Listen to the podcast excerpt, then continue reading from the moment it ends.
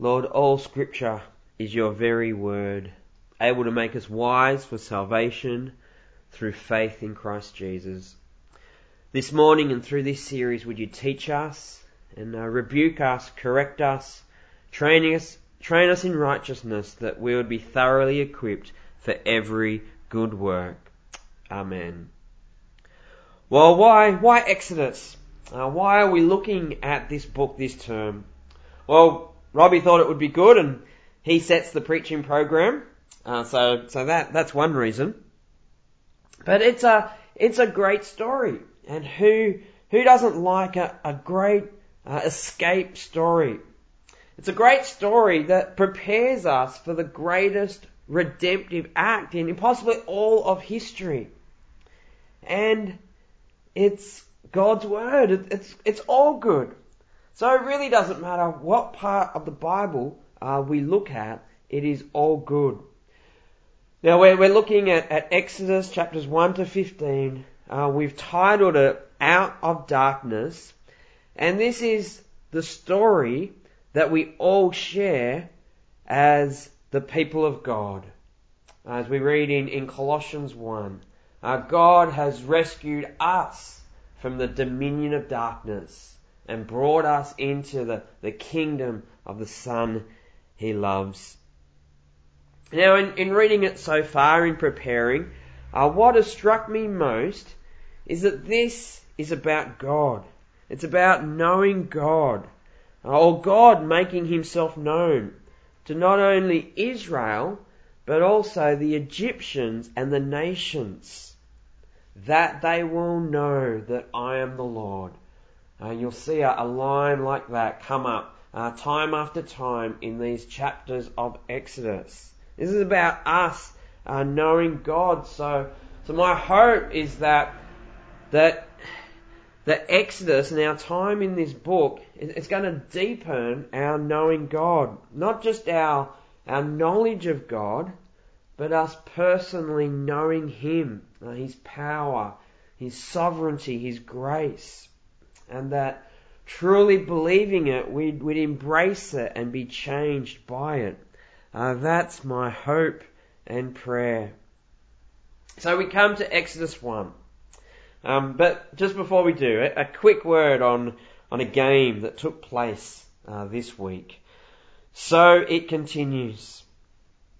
I don't know why we do it to ourselves. We, we keep watching out of some hope that, that things are going to change, uh, but they don't. Maybe you don't watch it and um, you don't care. But that game on Wednesday night, it, it wasn't just a singular game. It was the third game in a in a series series of three, and now Queensland uh, have won the last eleven out of twelve series. But it goes back further. It goes back to, to 1980 but even before that, the first game between New South Wales and Queensland, that took place in 1908, of which New South Wales won 43 zip. Now the point is this. As we come to Exodus 1, we're not just looking at a chapter in the Bible, but it is part of something bigger. Uh, it's the continuation of a story. A story that began in Genesis. And so it continues. Have a look at, at verse 1. It says, These are the names of the sons of Israel who came to Egypt with Jacob. Now, we don't have it there, but the, the first word in the Hebrew text is actually and. So whoever says I can't start a sentence with and, Moses starts a book with it. And if it's good enough for Moses, then, uh, then it should be good enough for me. And by starting with and, it makes it clear that this is the continuation of a story of what has come before. Uh, Moses wants us to know that. And the first line, what we just read, it's, a, it's the exact line that we read back in Genesis 46 verse 8. This is the story of Genesis 39 to 50 of jo- Jacob and his sons, or, or Joseph and his brothers. It's for this reason that God's people are in Egypt. And if you know Genesis, uh, you might know that we were told this uh, right back in, in Genesis uh, 15. Uh, Abraham was told that his people uh, would be uh, strangers in a foreign land, that they'd be mistreated, and that that would be the case for 400 years. And then in, in Genesis 46, uh, we read that they uh, will be made into a great nation uh, in Egypt. Uh, you can see that there on the screen in those verses from Genesis 46, verses 3 and 4. And when you see that, when you read it, what does it make you think? When it says there that he will make them into a great nation. Right? Yeah, the, the promises of God to Abraham back in Genesis 12.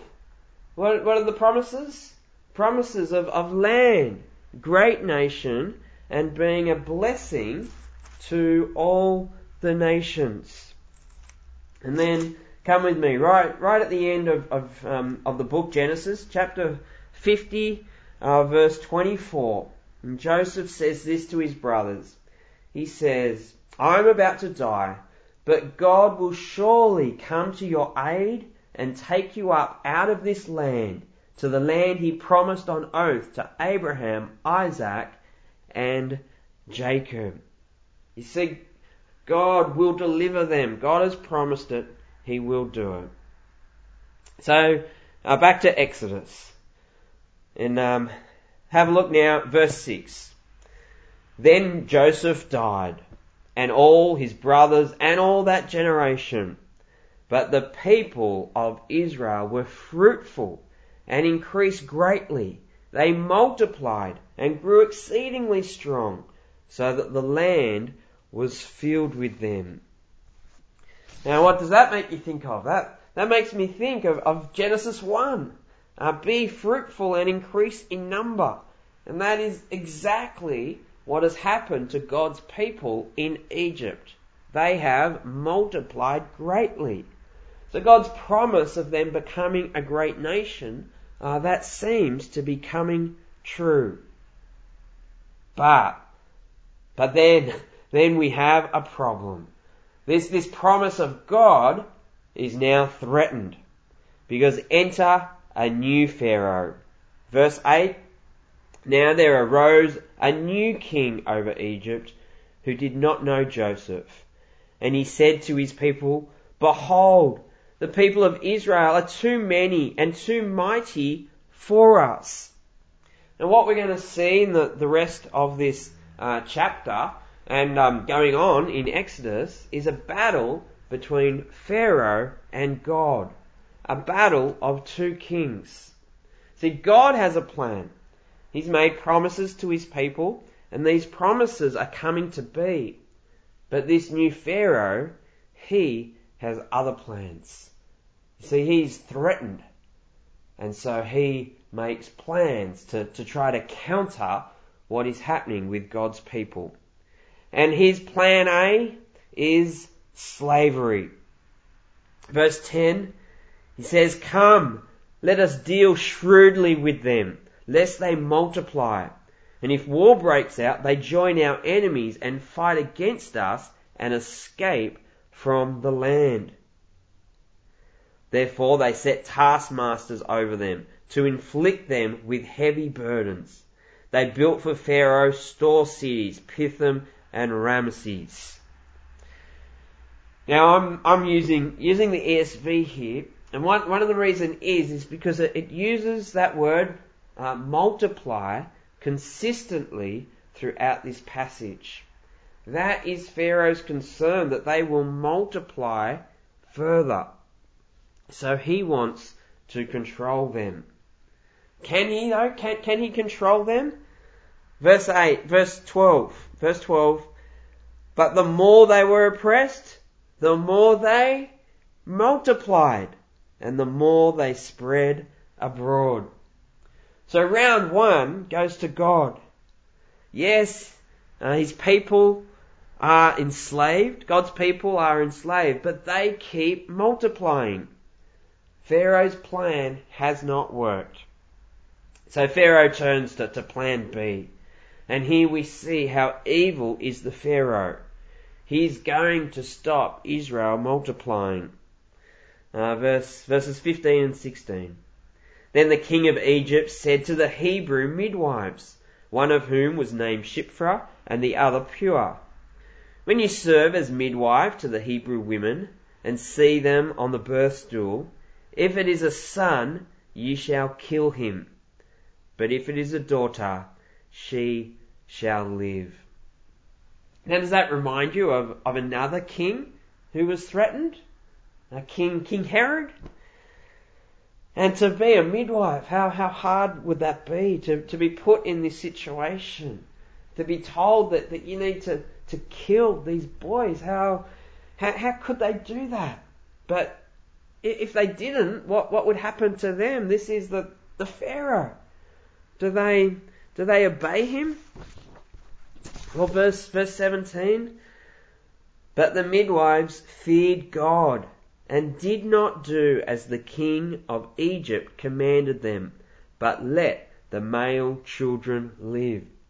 So you want to, you want to cheer for the midwives, don't you? You want to say yes to the midwives. They fear God more than Pharaoh, the king of Egypt. Right? They fear God more than this, this human king. So here it, it seems round two looks like it's, it's going to God. Verses verses 18:21 we read on. So the king of Egypt called the midwives and said to them, "Why have you done this? And let the male children live." And the midwives said to Pharaoh, "Because the, the Hebrew women are not like the Egyptian women, for they are vigorous and give birth before the midwife comes to them." So God, dwelt, God dealt well with the midwives, and the people multiplied and grew very strong. And because the midwives feared God, he gave them families. Now what do you notice there? God's people multiply even more. So round two goes to God. His promises are being threatened, but they can't be stopped. And I don't know, did you, did you see the irony there? God blesses the midwives with children of their own. They are blessed with the very thing Pharaoh was trying to take away. They're able to have children themselves. Well, Pharaoh, he is persistent. He's not going to give up, so he turns to plan C. And his evilness just continues, it multiplies. Now, plan B was a, a hidden plot to kill all the boys. Uh, it was hidden in the, really only the midwives knew. It was a command to them. But the plot to kill is now open to all. Verse 22. Then Pharaoh commanded all his people, Every son that is born to the Hebrews you shall cast into the Nile, but you shall let every daughter live. And that's it. Uh, end of the chapter. It seems here that Pharaoh uh, has the last word and that he uh, comes out on top. Uh, that round three goes to him. There's no word here of multiply. Right? That has been the case right throughout this passage, but not in this final verse. Here we just have darkness and death. So is this the end of God's promises? Well, you'll need to come back next week for chapter 2, Exodus 2 next week. Uh, but looking at, at verse 22, it's, it's interesting. You think of the Nile, uh, the, the Nile is the life-giving source for the Egyptians. But here for the Israelites, it's going to mean the opposite. It's going to mean death. But, a little bit of a spoiler, as we come to the end of the Exodus story, it's going to be through water that God delivers his people and that destruction then comes to the Egyptians. Well, what, what are the implications uh, for us today in all of this? I think, I think there are many, many for us. And the, the biggest is this, uh, that we can be assured of God, that God's promises are unshakable. They might be threatened, but they cannot be stopped. Okay, you can be assured that God's promises are unshakable. Threatened, yes. Stopped, no. Now, definitely threatened here in, in Exodus 1. Um, and then when, um, many, many years after this, when, when, Jesus, when God sends his son Jesus into the world, uh, we know how much he was threatened uh, by Herod uh, right at, at, his birth, um, by the religious leaders after that, the, the plots to kill him. Uh, and then it looks like they're successful when they crucify him. Looks like they have won. Um, but all part of God's plan uh, that his son would be crucified. Um, God raises him up to, to life again. Uh, Jesus conquers death. Um, all part of God's plan. Threatened, yes, but cannot be stopped. So we can be assured of God's promises. Uh, if God says it, it will happen. So I think this is a word that, that we need to hear today because uh, we live in a world, uh, in a society uh, where, where Christian beliefs are being threatened or undermined uh, more and more. And the, the Christian voice uh, is being uh, silenced, so especially in the, in the public sphere it is. Right? It's harder and harder um, to be openly Christian or, or more and more people are being hostile to Christianity, at least in the media. Maybe not people on your street, um, but the way that it's portrayed in the media, uh, that is the case. You might know there's a group and their, their agenda is to get scripture out of schools, um, to get um, God out of schools, Him being taught. Uh, even lunchtime groups, uh, it is harder.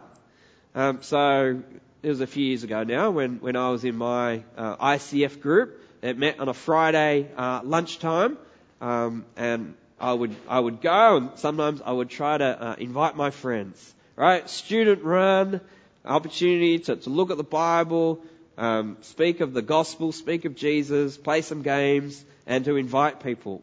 You can't do that anymore. If you want to go to a lunchtime Christian group now, even though it's just student run, you need written permission from your parents. Makes it very hard to invite someone. Um, this, this is the, the world that we're living in more and more. And that, that's just one example. Things like this might cause us to question God's goodness and His promises, His word. Uh, especially when it looks like uh, the world uh, is winning rather than God. But be assured, God's promises are unshakable. Right? They have been for thousands and thousands of years. So why not now as well? They might be threatened, yes, but they cannot be stopped. Think of the early church. Uh, the early church uh, had had a tough time. Uh, they were persecuted, um, like like many believers today. Uh, but what happened? What happened with the early church when they were persecuted? What happened to the, to the church? It, it grew. It multiplied. Right? Starts with, um, Stephen in, in Acts 7. Uh, he's put to death and then persecution breaks out, meaning that believers are then uh, scattered everywhere. Would that be the end to, to Christianity? Well, no. It just now meant that you had people scattered everywhere who could now speak uh, of Christ. Uh, so the church, the church grew.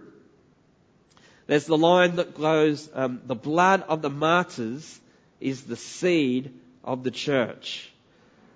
That's definitely the case uh, back then, and we still see it around the world uh, today. Uh, in Acts, there's there's a, a refrain uh, in the book of Acts. Uh, the Lord added to their number daily uh, those who were being saved.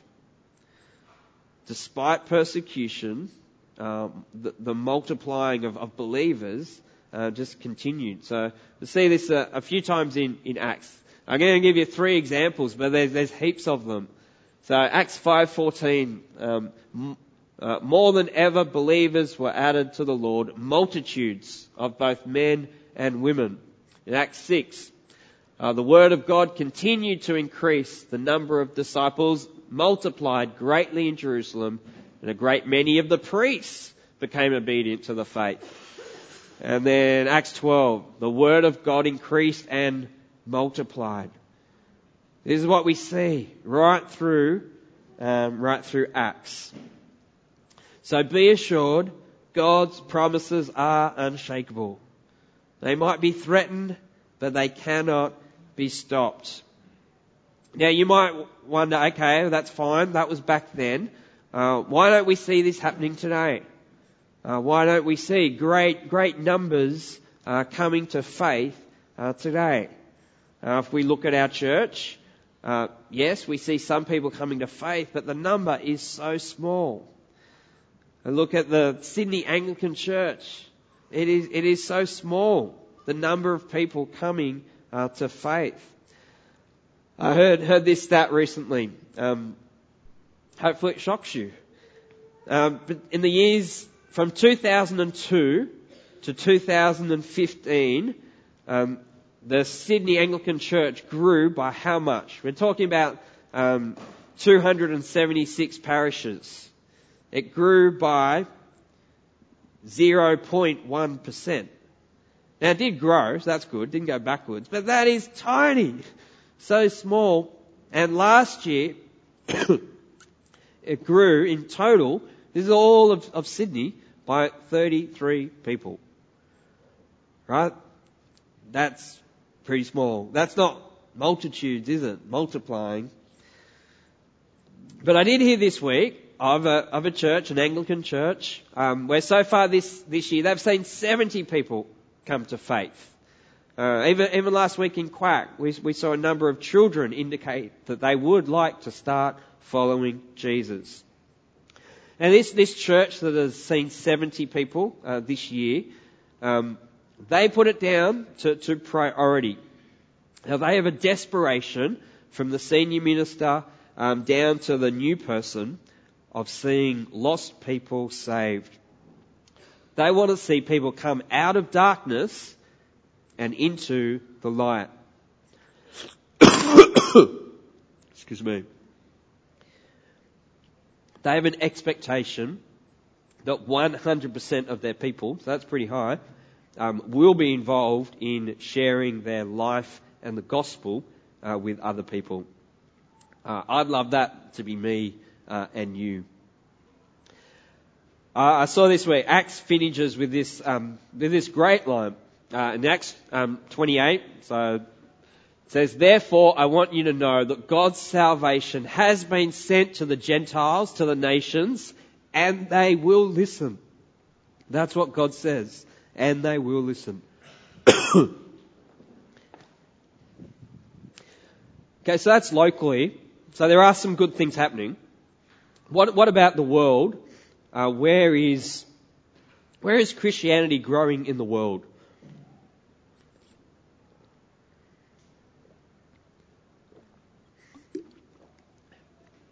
Not rhetorical. China. Okay. So in, in China, um, there's huge growth.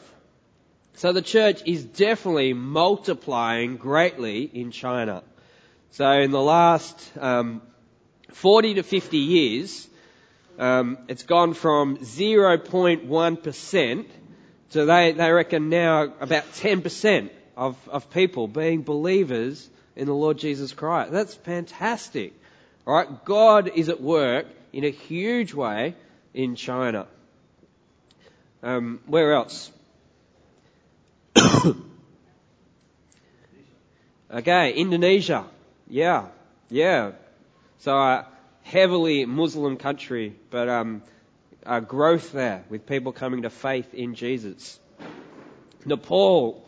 Um, they they have, what is it there, over 330 million gods, But in the last 10 to 20 years, um, so many people are now coming to faith in the one true and living God. Right? It's exciting seeing some of these things that are taking place around the world. And we might know it, we mightn't see it, um, but it is happening. Uh, Iran, right, has been devastated by, by persecution, and the church there looked like it could have been uh, no more. Um, but no, um, people are becoming Christians in Iran in great numbers, and a lot of that is because of the persecution uh, that is taking place. Um, but the Christians who are there are boldly standing up for their faith and for their Lord, and a lot of others and a lot of Muslims are turning to Jesus as a result. Right there, God is at work locally and in this world. Right? That, that inspires me. It encourages me uh, to know that, that this God who has been at work um, from Abraham to his promises, uh, Joseph, uh, and now in Exodus, uh, he is still at work today through his word, calling people out of darkness into his light. God's promises are unshakable. They might be threatened, but they cannot be stopped. And we are on the winning team. Right? Our God, He is the Lord of all creation. He is Lord of all of history. He may appear absent. He may have appeared absent in Exodus chapter 1. But was he? No. Powerfully at work. He might seem absent from your life. Is he? No.